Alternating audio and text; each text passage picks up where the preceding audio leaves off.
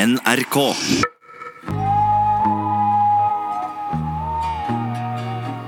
Hei, jeg heter Kari Hestemar, og du hører på podkastserien Usagt. Har du et øyeblikk i livet ditt som du alltid vender tilbake til? Det har jeg. Noe du skulle ha sagt, men som du aldri har våget å si? Det har jeg. Noe ugjort du skulle ha gjort før det er for seint? I denne serien skal du få møte folk som sier det de aldri før har sagt, og som hopper ut i det de er aller mest redde for. Episoden du skal få høre nå, handler om Maria. Maria Mena slo gjennom som artist som 15-åring. Og uten at hun har visst det, så tok han som i alle disse årene har vært manager for henne, grep for å redde henne.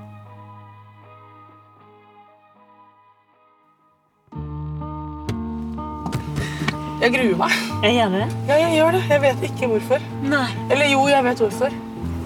Det er tydelig at liksom Det mennesket jeg, som betyr mest for meg, har jeg liksom ikke helt sagt det til. Ja. du? Det er ett menneske som har en helt spesiell plass i livet til Maria. Sånn, det er litt som at du skal møte pappaen min. Så jeg har litt lyst til å si masse sånn Jo, bare han er sånn, men han mener det ikke. Og, skjønner du? Jeg har veldig lyst til å unnskylde han masse overfor deg. Vi skal møte en mann som er kjent for å være brå og kompromissløs. Som har kontor på toppen av Oslo Spektrum. Der Maria kom som livredd 14-åring da hun skulle bli artist. Det er noe hun aldri har sagt til han. Uff, nå har jeg klump i halsen. Ja, ja. Da var det tydelig at riktig at jeg skulle gjøre det her, da. Siden det både skremmer meg og jeg får motklump i halsen. Da er det veldig tydelig at dette er noe jeg skal gjøre. Men dette er overraskende skummelt. Ja, ja. Kom igjen.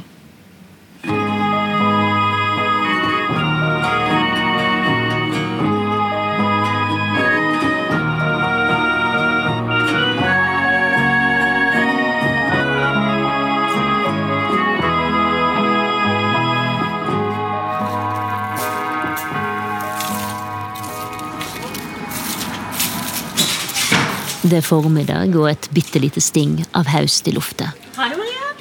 Hei. Maria møter meg i porten til bygården der hun bor. Og i blomstrete pysj viser hun veien opp gjennom etasjene. Hunden Bjørnson hopper ivrig rundt. I gangen henger det et blete av et alvorlig barn med boksehansker. Jeg kjenner meg igjen i, i det å være barn, men å få den voksne rollen. da. Maria forteller at hun flytta masse rundt som barn. Og at det å ha en egen leilighet er viktig. Hun har forsørget seg sjøl siden hun gikk på ungdomsskolen, men tenker oftere enn hun vil innrømme. Klarer jeg meg nå? Hvis alt går til helvete, så kan jeg ta meg en jobb på Rema. liksom. Og kunne klare å betale regningen her. Maria kommer fra en familie av kunstnere og musikere. Både hun og veslebroren er oppkalt etter karakterer i musikalen West Side Story. Og Maria tok tidlig ansvar hjemme. Jeg var pappa og mamma for lillebror. Jeg var mye alene hjemme. Mamma jobba mye og var jo alenemamma med oss. Og, og var aldri hjemme. Mens mora var borte, sto Maria framfor speilet og øvde på å synge som Céline Dion. When I need you Men den husker jeg. Den der å lære seg den derre ah, Det å rulle sånn. Å, gud, jeg øvde! Og etter hvert som problemer hjemme ble større, begynte hun å skrive. Det begynte med sånn topp skoledagbok. Eh, Og jeg, jeg husker jeg løy mye i den dagboken. Maria pynta på sannheten i dagboka, og for folk hun kjenner. At jeg måtte beskytte eh, en familie som var i oppløsning. Men begynte å skrive sangtekster der hun er helt ærlig. Og jeg husker at jeg lovte meg selv at jeg måtte ha ett sted jeg var ærlig. For hvis ikke så kom jeg til å sprekke. Foreldrene mine gikk fra hverandre da jeg var ni. Og så valgte jeg å bli hos mamma. Eh, og idet jeg er elleve, så uh, skjer det noe mellom oss som gjør at jeg bestemmer meg for å flytte til min far. Det i seg selv var ganske skummelt. Faren Charles var trommeslager og spilte i ulike band. Dette var en mann som jeg må ærlig innrømme jeg ikke har så mye minner av som barn. Så det føles som jeg skal flytte til en fremmed. Ganske fort. Um, jeg flytter til pappa litt sånn over natten. Pakker barbier, pakker sanger, som jeg da har skrevet i hemmelighet på rommet mitt. Um, uten mål og mening. Uh, og så flytter jeg til pappa. Men det er en liten leilighet. Det er et soverom og et lite kjøkken og en stor stue. Og jeg blir plassert på en madrass på stua. Og så på et tidspunkt så tror jeg vi henger opp en gardin rundt den madrassen. Og det er sånn enkeltsengmadrass. Og der på det gulvet så sover jeg.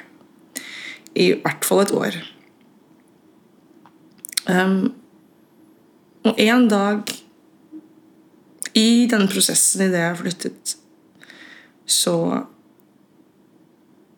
er det så mye som er usagt mellom meg og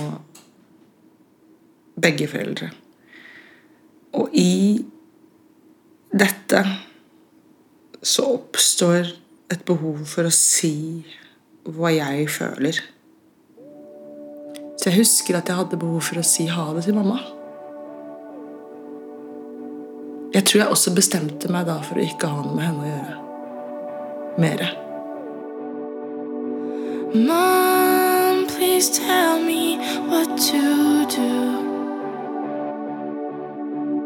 I'm so disappointed in you. You said those words that made me cry, and you always wondered why. Why I sing my lullaby. Maria er 11-12 år. Nå bestemmer seg for å bryte med mora. Og man kan si hva man vil, men en 11-åring, 11-12-åring som bestemmer seg for det, det er ikke bare lett. Um, så jeg skriver My Lullaby. Og det er et, på et tidspunkt hvor låtskrivingen ikke er til noe annet enn det. Jeg skal ikke gi ut noen plate. Jeg har ikke tenkt, jeg har ikke rukket å drømme engang om å skulle bli musiker. Det bare er et sånt behov for å si sånn var det for meg. Was it my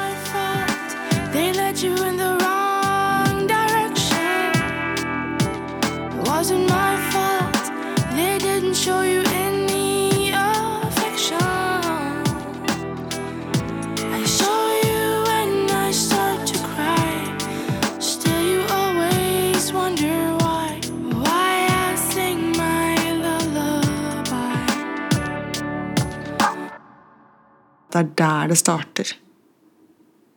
Denne følgesvennen. Denne litt mørke følgesvennen. Um, men låtskrivingen blir så viktig for meg plutselig. Og jeg får så behov for å spille inn den demoen.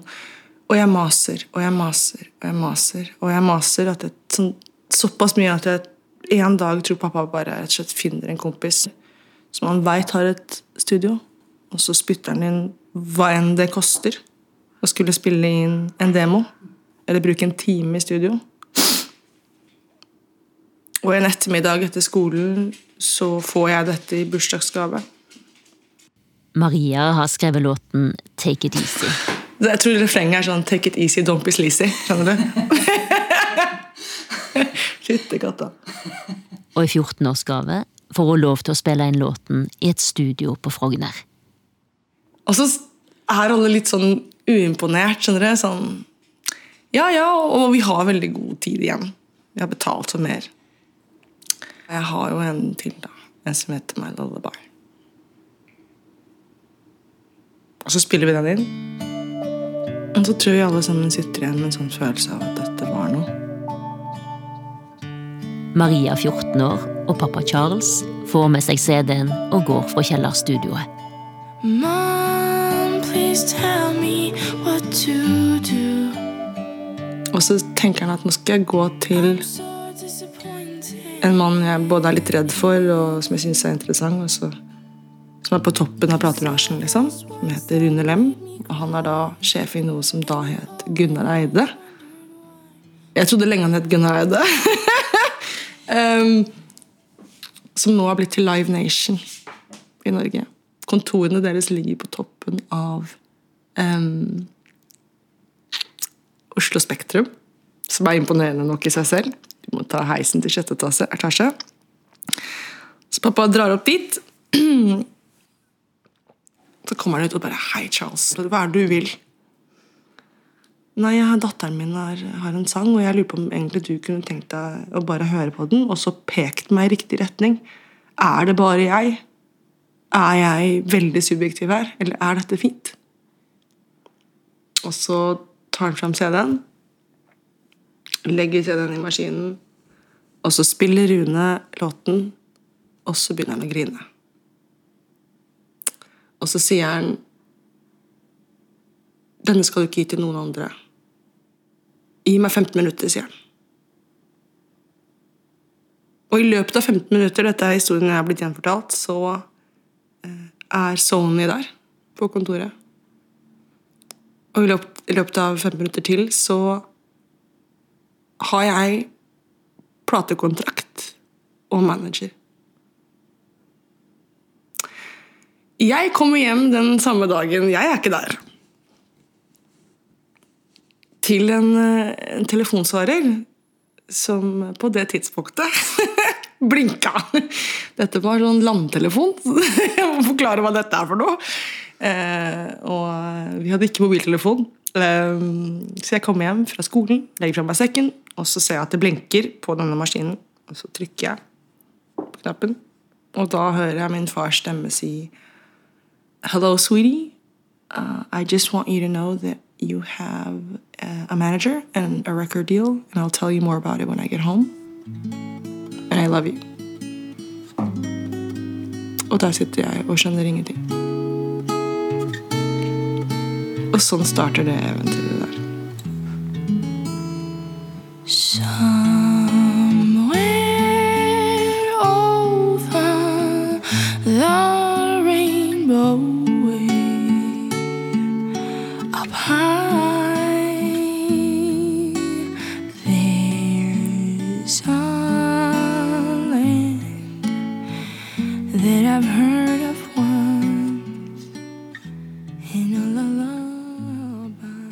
første møtet mitt med han var at jeg var livredd. Um, han er en brå fyr. Nei, han skremte livskiten ut av meg. Rett og slett. Jeg husket dette trykket hjem etterpå og hadde vondt i magen min. Når du skal skrive en kontrakt med en 14-åring, så er det i de standardkontraktene folk blir tilbudt nå, så er det en del klausuler som er litt sånn kjipe. Maria signerer med autografen hun har øvd på, men uten å vite hva hun skriver under på. Og jeg er jo da naiv og skjønner ikke noe annet enn at jeg skal skrive under. Og den, du ser den snirklete autografen jeg har øvd på i mattetimen. Eh, og så ser du pappa sin autograf ved siden av fordi jeg var for ung til å skrive under på noe sånt nå. Så tok Rune et grep som skulle bli avgjørende for Maria. Det er ikke før jeg er over 20 at jeg skjønner at jeg sitter og gråter og leser den. For jeg skjønner at her kunne de ha virkelig fucka meg, da. Her kunne, dette kunne ha gått utover hele livet mitt. Rune gjør det motsatte av det som er vanlig når et barn signerer platekontrakt. Han gir alle retter til Maria og ingen til foreldra, og lager en kontrakt som hun kan forlate når hun sjøl vil. Han har klart å ta kontakt med både mamma og pappa og fått dem til å skrive under på en kontrakt der de har sagt fra seg rettighetene til min økonomi. Dette fikk jeg vite ganske sent i livet. Det er viktig for meg også å si at det er ikke sikkert de hadde gjort noe med det. Men den kjærligheten som ligger i at de har gjort det, at de har klart å samle dem, for det første To mennesker som ikke ville møte hverandre. eh, Fått dem til å gjøre det. Jeg har flyttet 20 ganger i mitt liv. Aldri hatt noe fast bopel. Nå sitter vi i en leilighet jeg har bodd i over ti år, som er mitt hjem. Og jeg er ikke så sikker på at Nei, jeg vet at hadde ikke Rune gjort tatt de grepene som han har gjort for min økonomi og min stabilitet, så hadde ikke jeg sittet her.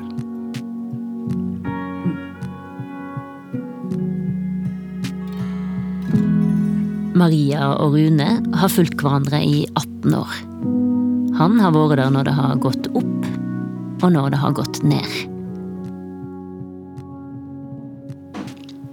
En av grunnene til at jeg har lyst til å gjøre det her, er å få lov å ha det på tape.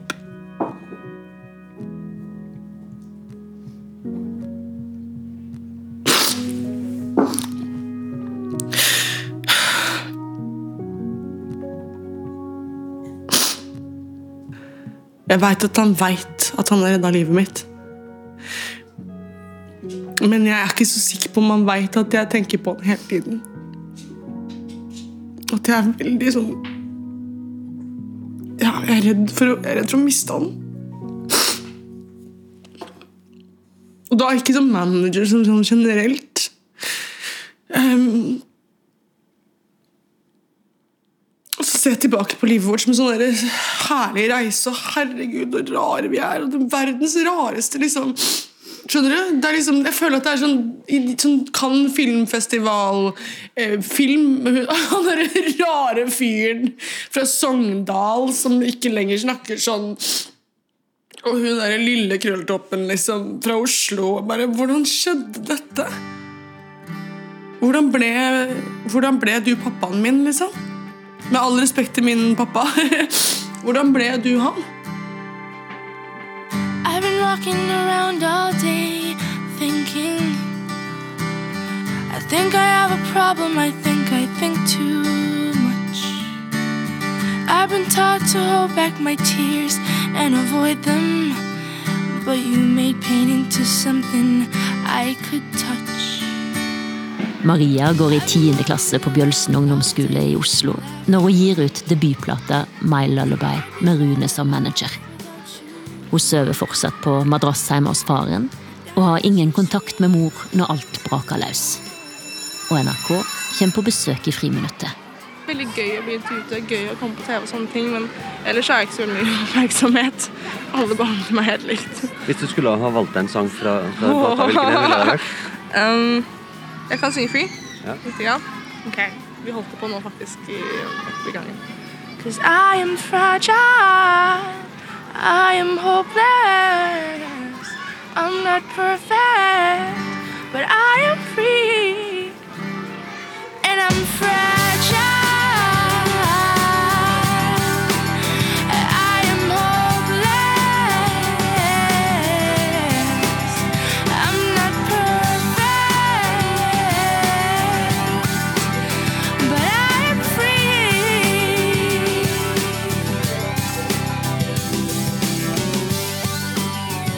Jeg heter Maria Mena. Fint. Og hvem er du, da? Jeg er en jente på nå 16. Det er vel det.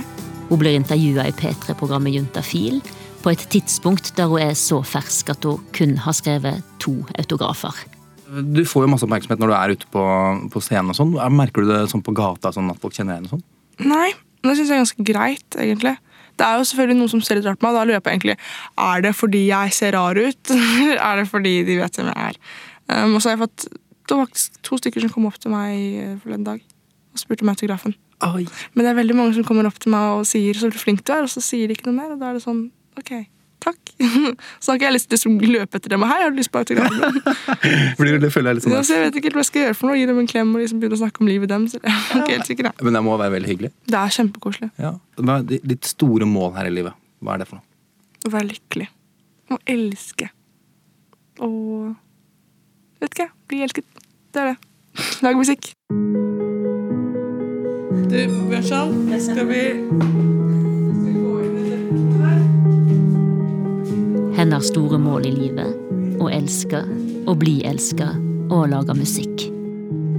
Hunden Bjørnson, som Maria har delt foreldreansvar for, står med en gummiball i munnen og ser på henne med bedende blikk. Du er det søteste i hele verden. Jeg orker ikke å se på deg. Hei. Mens Maria så vidt kom seg gjennom mattetimene på skolen, tok manager Rune kontroll over økonomien hennes. Så vi ble enige ganske tidlig eller, om at jeg ikke hadde tilgang til min store konto. Han ville ha meg inn på boligmarkedet. Og det tror jeg er en av hans stolteste øyeblikk idet jeg kjøpte den leiligheten, første leiligheten. Når venner trenger tak over hodet, får de bo hos Maria. En dag, ei veke, en måned, så lenge det trengs. Nå skal de skille seg og må sove et sted. Da. Den sovesengen eller den sovesofaen får, får kjørt seg. Alltid noen som trenger et sted å sove. Er helt bevisst. Jeg kan ikke fortelle deg hvor mange ganger vi har sovet på et gulv et sted. Hun gjør venner til familie, sånn Rune gjorde henne til familie da hun var tenåring. Når du har vokst opp sånn som jeg er, uten den der tradisjonelle 'nå må vi være der på julaften', eller 'nå familie er sånn, og vi møtes sånn' og Når du ikke har det, så kan det være ganske slitsomt å bli presset til det. Det har vært en gradvis prosess for meg å la meg elske eh, på den måten. Og la meg få lov å bli tatt vare på. Og jeg vet at Rune veldig ofte har ringt og sagt hvorfor har du ikke sagt at du har hatt det vanskelig? Sa, men fordi det er ikke noe jeg er vant til å gjøre. Jeg, kom, jeg, jeg dukker opp etterpå, jeg. Og så får du høre på plata at det siste året har vært vanskelig. liksom. Jeg tror det har tvunget meg til litt sånn derre Alt fra jeg var med på en ferie en gang. Jeg er ikke vant til sånn Vi har ikke hatt penger i det hele tatt. Vi har vært fattige i min, i min familie. Og da mener jeg sånn mamma og to jobber, en på teatret, en annen eh, som vaskehjelp på kontoret mitt på natten, og allikevel ikke råd til mat, nesten. Så vi har i hvert fall ikke hatt muligheten til å dra på ferie. Så det å liksom dra med meg til Spania eh, Sånne ting Det er så familie. Det er der jeg skal være på julaften. Jeg har fått to søstre.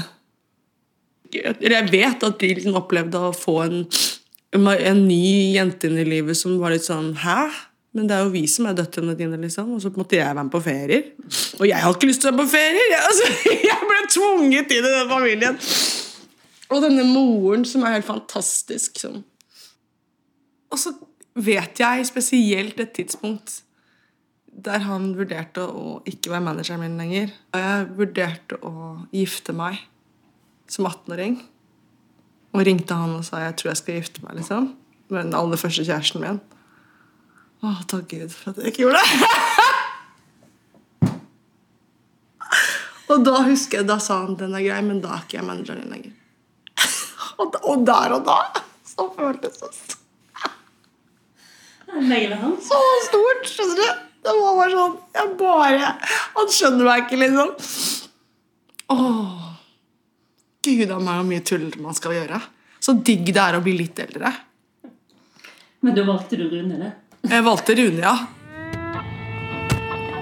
Vet du hva? Jeg vet ikke hva jeg ennå. Jeg har ikke lappen, så jeg er helt sånn Skal vi se. Skal jeg sette på en sånn GPS? Ja, det burde jeg gjort. Vi er på vei til Rune, som uten at Maria visste det, laga en kontrakt hun når som helst kunne forlate. Og som fikk foreldrene henne til å si fra seg alle retter til økonomien hennes. Som hjalp henne med å spare til egen leilighet, og som tok henne med på ferieturer og julefeiring med familien. Rune er en familiemann. Han er opptatt av familie. Ergo han har adoptert meg.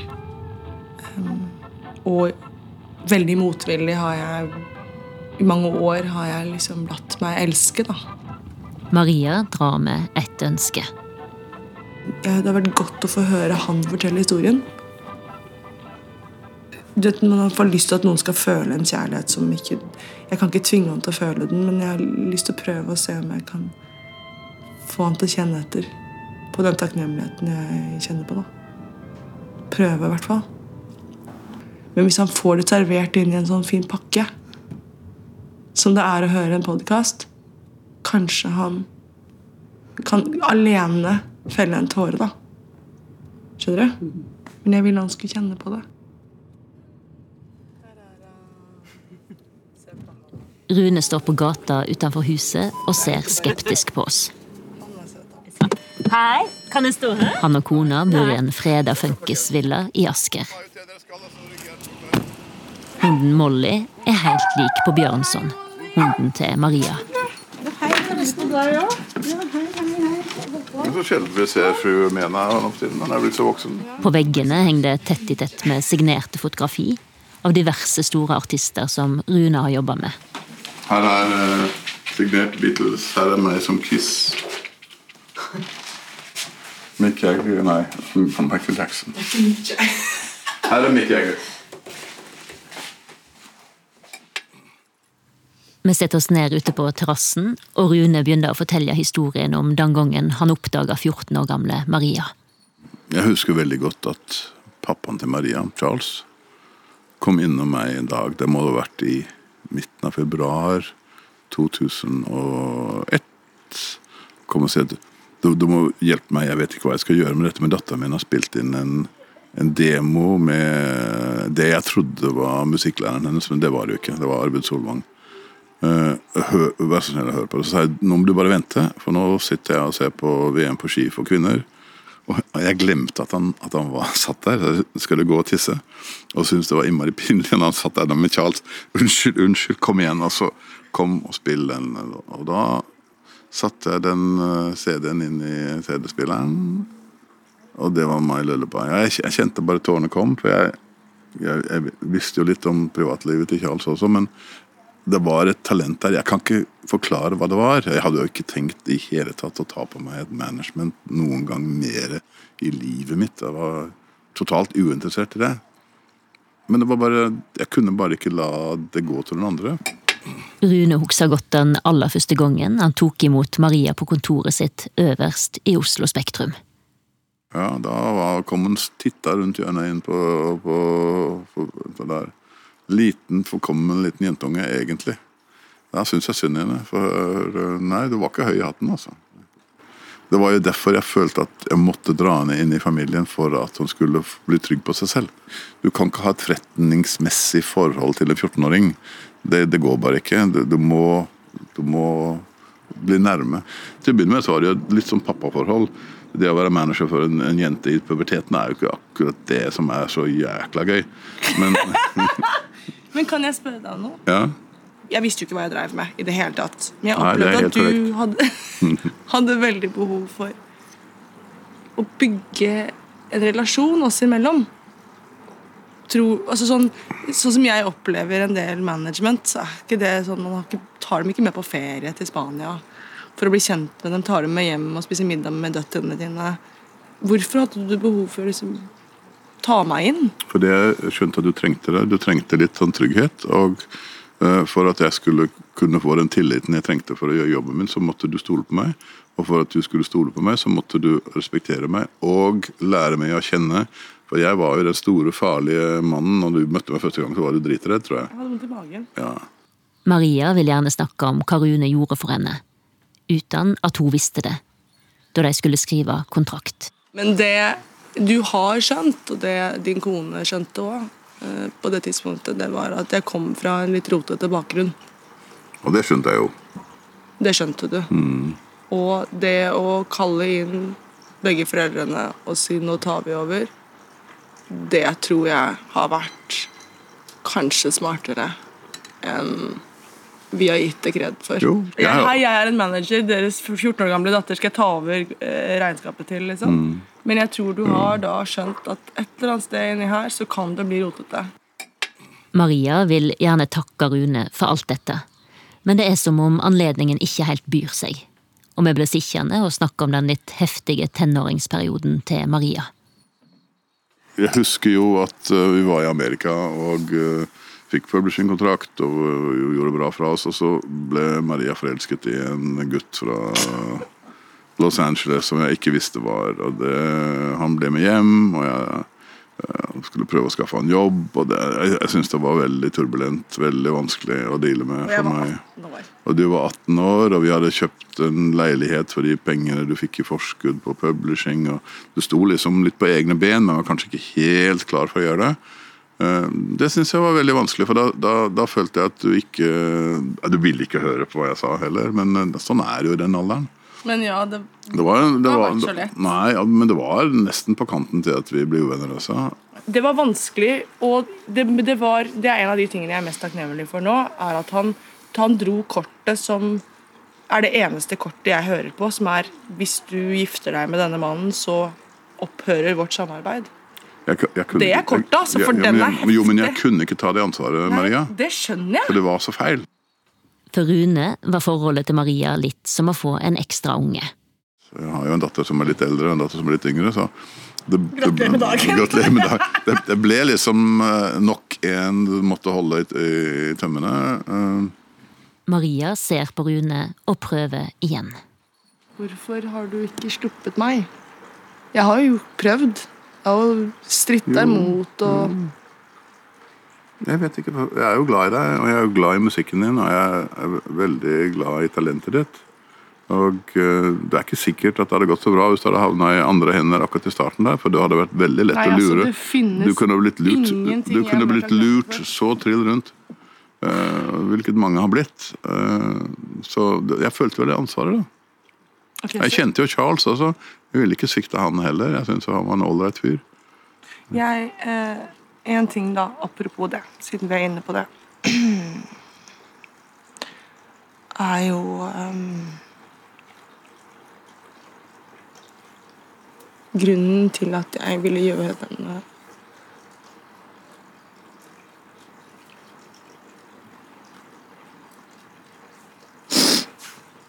um, du har vært en, en Du har vært det viktigste mennesket i livet mitt. Jeg har blitt 32 år gammel, og um, så har jeg fått litt tid i det siste til å tenke igjennom hva som hadde skjedd da, hvis ikke jeg hadde møtt deg.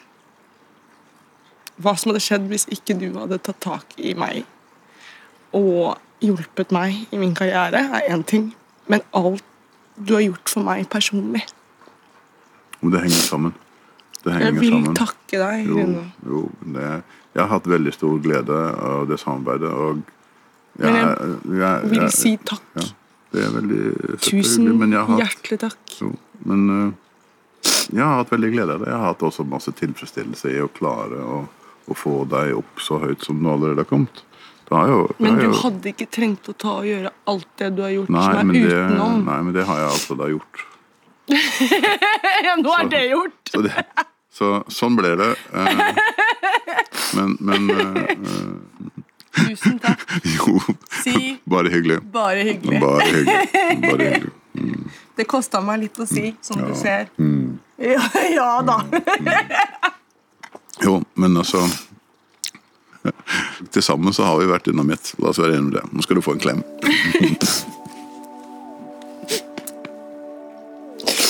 Sånn. Nei, nei. La oss si det sånn.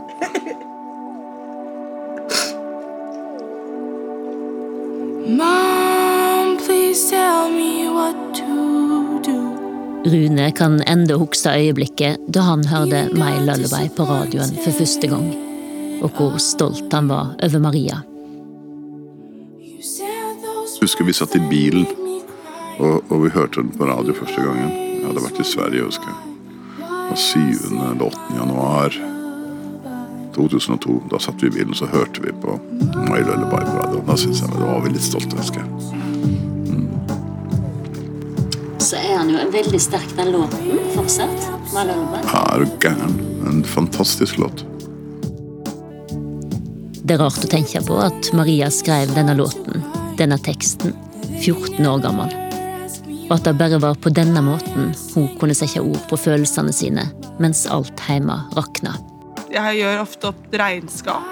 Sånn, jeg, hvis jeg har angst, for eksempel, så kan jeg sette meg ned og så skrive lister over de jeg har. Da er Rune øverst på lista. Han går ikke. Han går ikke. Rune er en mann av få ord. Men det han i handling gjorde for Maria, får hun ikke takke han nok for.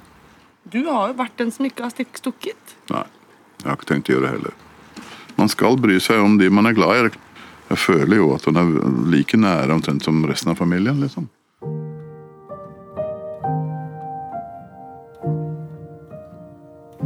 Men fy søren så mye vi har overlevd. Jeg har planer om å gjøre, lage et par bra plater til. Ja, altså. Ja, ja. Morsom. Ja. Den, latt, den latteren er ikke alltid like bra. Jeg ser på Maria og Rune og klarer ikke å slutte å tenke på filmklassikeren Love Actually. Og scenen med popstjerner som drar hjem til manageren sin på julaften. I stedet for å gå på fest hos Elton John.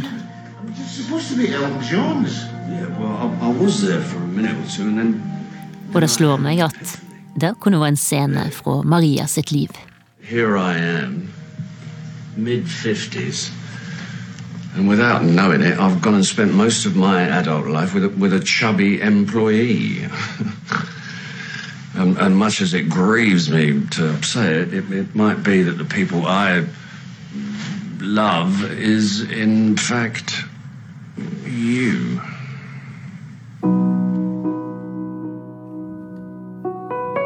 En av de første gangene de møttes, sa Rune. Nå er det jeg som er stor og høy og mørk, og du som er liten. Men før vi er ferdige med å jobbe sammen, så kommer du til å være den store, og jeg kommer til å bli den lille. Og der er vi i ferd med nå. Du er stor stjerne, og jeg er fortsatt den jeg var. No one will tell you about the limit. They put on how long you can grieve. Men noen ting endrer seg ikke. Enten en har skrevet to autografer, eller solgt ut konserter i operaen og på Konserthuset. Da Maria, snart 16 år, svarte på spørsmål om hva som var hennes store mål i livet. Å være lykkelig. Å elske. Og Vet ikke, bli elsket. Det er det. Lage musikk. When the growing pains subside.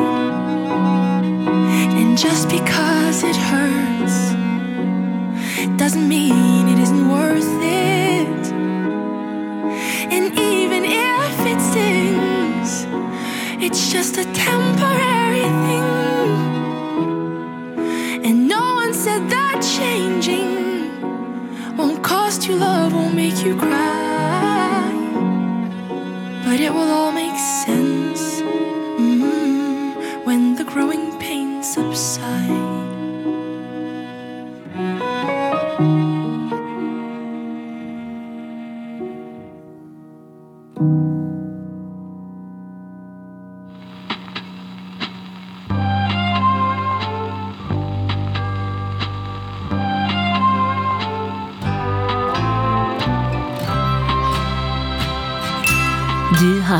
Usagt.